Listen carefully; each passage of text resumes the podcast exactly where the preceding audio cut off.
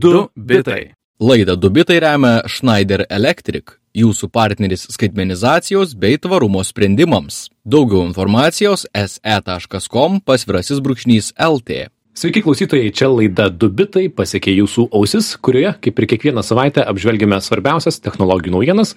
Aš esu Lukas Keraitis, o šalia jau su kalėdiniu mėgstiniu Jonas Lekevičius. Labas, Jonai. Ho, ho, ho. Hau, hau, hau, kad ir kur važiuojate, galbūt jau link kalėdų, galbūt jau po kalėdų, galbūt klausite mūsų 2036 metais. Šiaip ar taip linkime jums viso ko geriausio. E, Pirmoji naujiena, kurią šiandien turime, yra mažiausiai svarbi, bet labiausiai džiugi Asmeniškai mums labai svarbi. Taip, labai smagi. Mes laimėjome apdovanojimą. Du bitai. E, Jonai, ką laimėjom? Mes Lietuvos dirbtinio intelekto asociacijos apdovanojimuose buvome pavadinti a, geriausiais dirbtinio intelekto viešintojais. Taip. Ir Valio. garbingai prieimame šį apdovanojimą ir dėkojame tiek asociacijai, tiek visiems, kas klauso. O šiandien galvojame, galbūt imsime specialią laidą, imsime vieną temą, bet tų naujienų tiek uždėrėjo, kad e, nieko nelauksim ir šoksime į jas ir pradėsime. Da, pradėsime nuo Twitterio vėl. O, Elonai, kada baigsis tavo dramos, nes mums jau taip atsibodo kalbėti apie visą tą smulkmę ir nesąmonę, kuri vyksta Twitter'yje, bet kiekvieną kartą jis sugeba perlipti naujas raudonas linijas, kurių iki šiol niekas nebuvo perlipęs. Ir tenka šnekėti vėl apie tai, ką jis prisidirbo. Smagu apie tai kalbėti, galbūt palengva reikės riboti, jeigu jis taip ir toliau varys, bet, e, na, bet yra ką pašnekėti, ar ne? Tad kas nutiko? Taip, viskas prasidėjo nuo to, jog uh, praeitos savaitės ketvirtadienį jisai užbanino paskirtą, kuri vadinasi Elon Jet. Tai paskira, kuri automatiškai skelbė, kada ir kur pakyla ar nusileidžia Masko privatus asmeninis lėktuvas. Tai beje yra vieša informacija. Jeigu žinai lėktuvo kodą, gali suvesti į ten tą oro duomenų bazę ir tai matyti. Tai nėra slapta informacija. Mhm. Tačiau Maskui akivaizdžiai nepatiko to viešumas, jog visi galėjo gyvai stebėti, kada jisai pakyla, pavyzdžiui, žiūrėti futbolo čempionato finalo į Katarą. kada Matėme skrido. jį ten, taip. Mhm. E, Ta pavadino e, asmeninių duomenų viešinimu ir užblokavo tą paskirtą. Ok, tačiau tuo ne, neužsibaigė. Penktadienį užblokavo krūvą žurnalistų, kurie buvo parašę straipsnius apie tą Elon Jet paskirtą. Užblokavo jos Twitter'yje, pasitiksliname, jeigu kažkas dar, dar, dar galvojate, kur Ir čia. svarbus turbūt dalykas, jog patys jie tos informacijos žurnalistai nėra skelbę, jie tiesiog rašė straipsnius apie tai. Tačiau Maskas visgi nusprendė, jog tai taip pat yra jo asmeninių duomenų nutekinimas, nes matyt rašyti straipsnius apie tai, kaip kažkas kažką daro, yra taip tas, tą patį reiškia, ką pačiam tą daryti. Žodžiu, banas.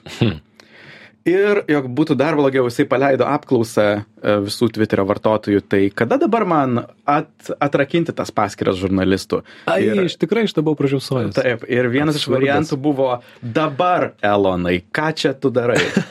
ir tas variantas laimėjo, tai jisai galiausiai atblokavo, bet prieš tai dar ES spėjo pagrasinti sankcijomis už tokios nesąmonės, kaip žurnalistų wow. blokavimas. Europos parlamento pirmininkė Roberta Metsola pakvietė verslininką atvykti į ES, pasipasakoti, ką jis čia daro. Tiesa, jie tokios galios neturi, bet vis tiek gali. Na, galbūt Elonas na, dėl, dėl šau ir atvyks į Europą pasipasakoti, bet jis tikrai neprivalo.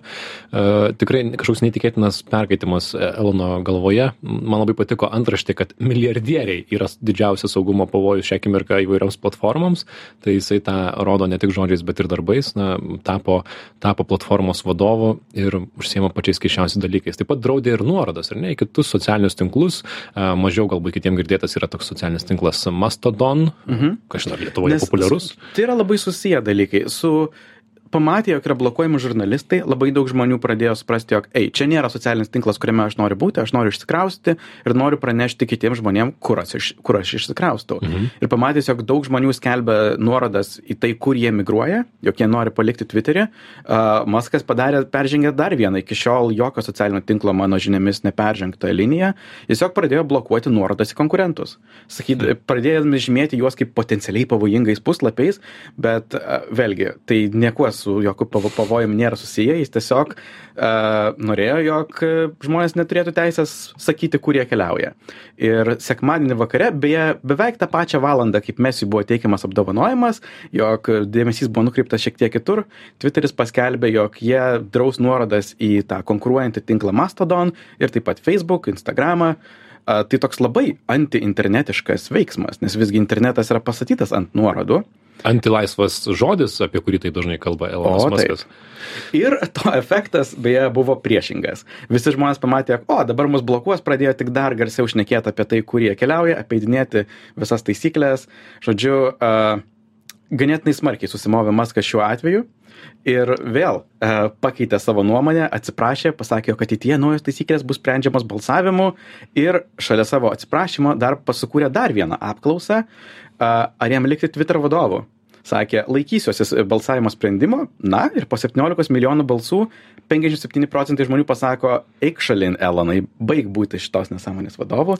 tai dabar visi laukiam, kas, kas bus. Jo, ir jisai pasakė, kad, na, laikysis tos, to, to balsavimo, e, ne va šią akimirką ieško įpėdinio, galbūt perims tam tikras funkcijas, bet tuos beje, tuos draudimus su Facebook'o, Instagram'o nuorodomis ir Mastodonu jis atšaukė, ar ne, po 12 Taip. valandų, kas yra dar didesnis absurdas. Tu tiesiog spaudai bet tokius mygtukus. Kaip tai turėtų atrodyti jų, jų, jų biure, ar ne? Sėdė Elonas Maskas ir sako, na tai padarom tą. Ir kažkokia komanda žmonių eina, daro, keičia funkcijas ir jisai po, pus, po pusdienio sako, ai ne, žinai, atšaukė. Ir gal. iš Jet paskyros mes žinome, kaip tik tuo metu, kai jis galvoja savo šitas nesąmonės, buvo pakeliu į Katarą.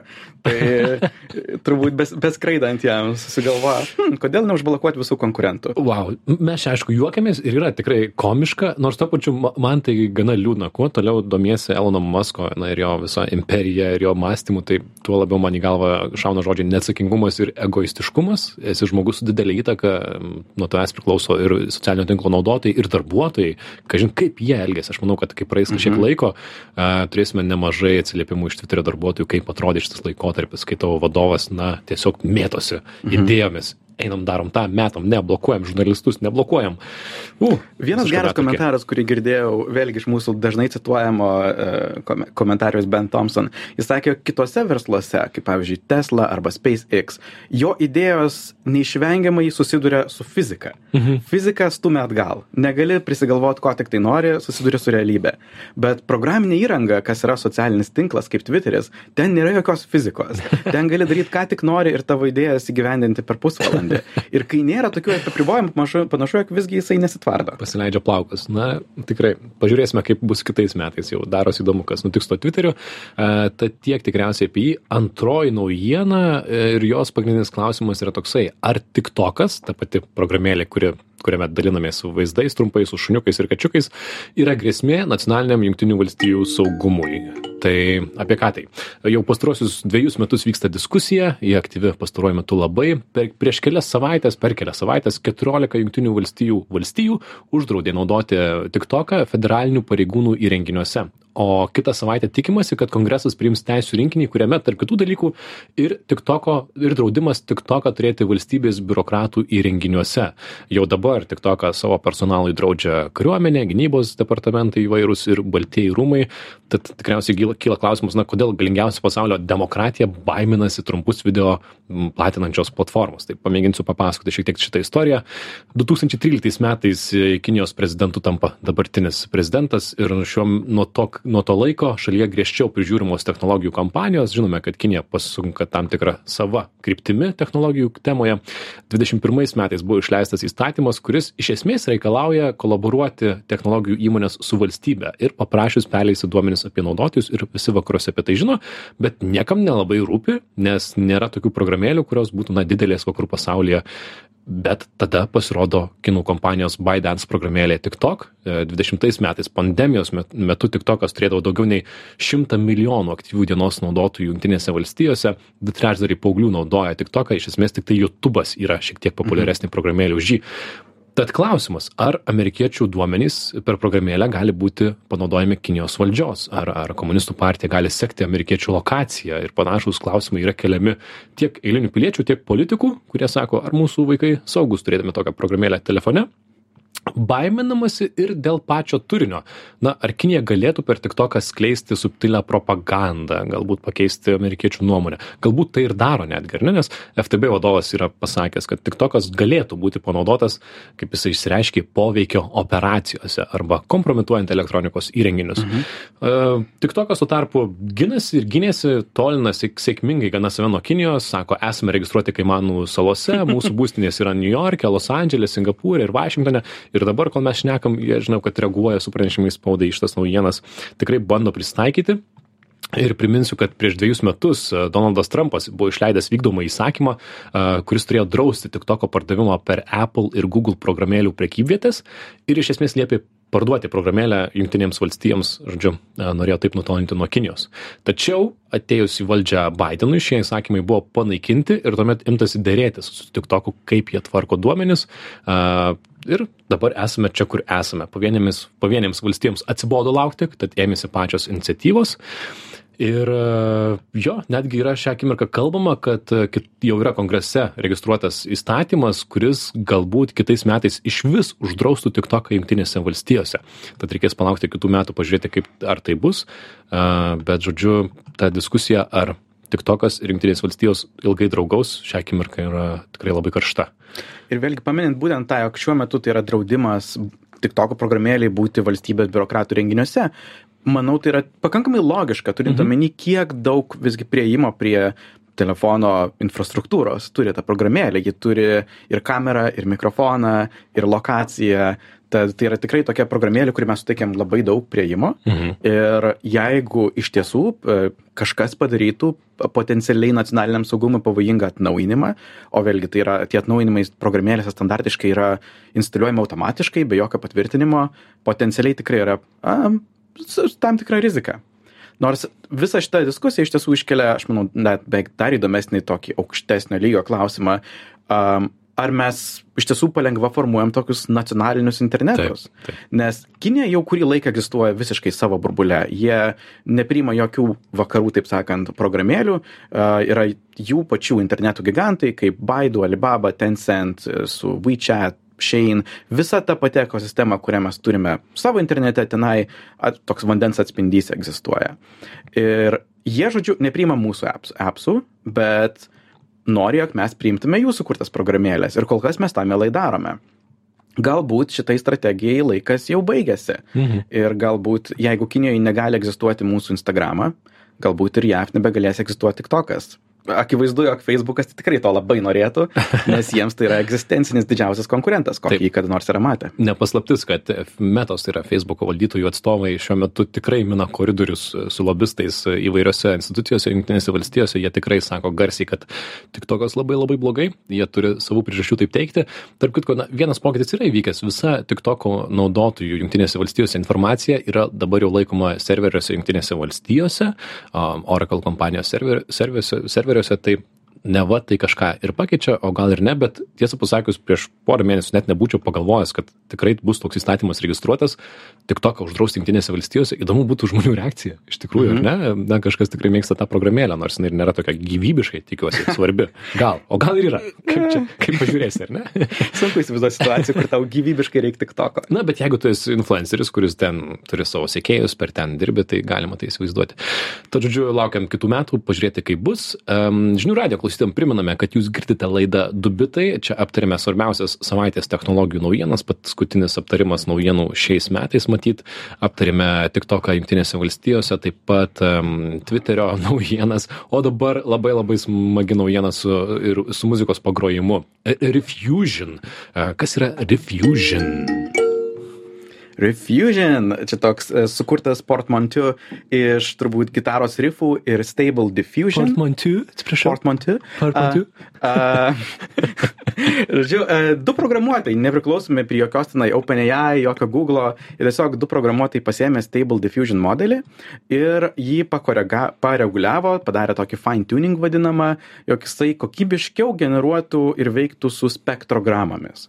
Kas uh, nėra pažįstama su spektrogramomis, tai toks vaizd, uh, garso pavaizdavimas paveikslėlių, kur uh, galima sakyti laikas yra x ašis, o tam tikro aukščio uh, garso intensyvumas kaip ta Yra Y ašis. Y ašis. Mhm. Žodžiu, tu vizualiai pavaizduoji garsą, padarai ten tokią matematinę, Fourier transformaciją ir gali konvertuoti vaizdą į garsą, garsą į vaizdą. Jo, nusisakė paprastai, bet žodžiu, na, pamačius galbūt pamatytumėte, kad tai yra tiesiog spektrograma, ar ne? Tai Tiesiog spektrograma. matę. Taip.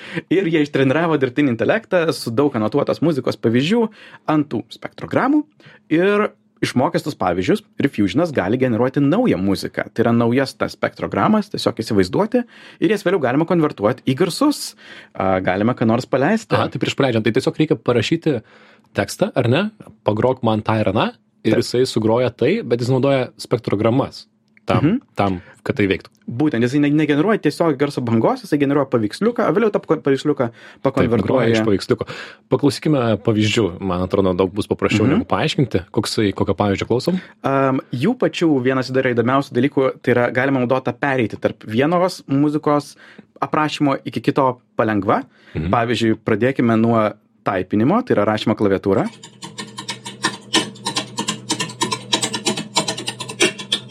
Ir palengva galima, aš peršoksiu pavyzdžiui vidurį, kuris pereina palengva prie džiazo.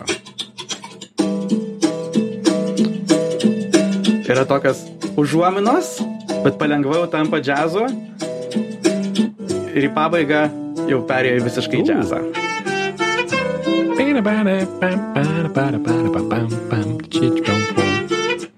Geras. Tai, tai, tai svarbu paminėti, kad jis tiesiog gavo užklausą.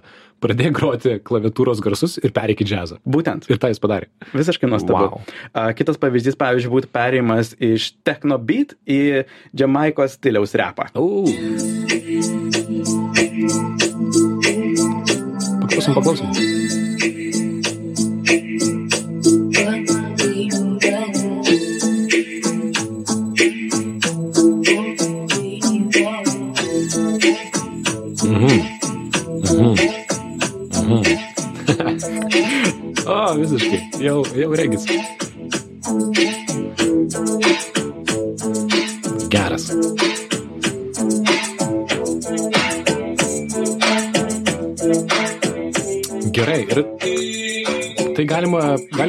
Visi, ar ne? Tai yra kažkiek, kažkiek atvira, na, tarsi paklausyti, bet kol kas žaisti su tuo dar negalim. Uh, tuo ir puikus šitas modelis yra visiškai laisvas visiems.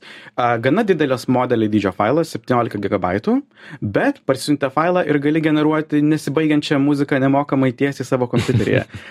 Ką tik sugalvosi, kokius žanrus nori tik tai miksuoti.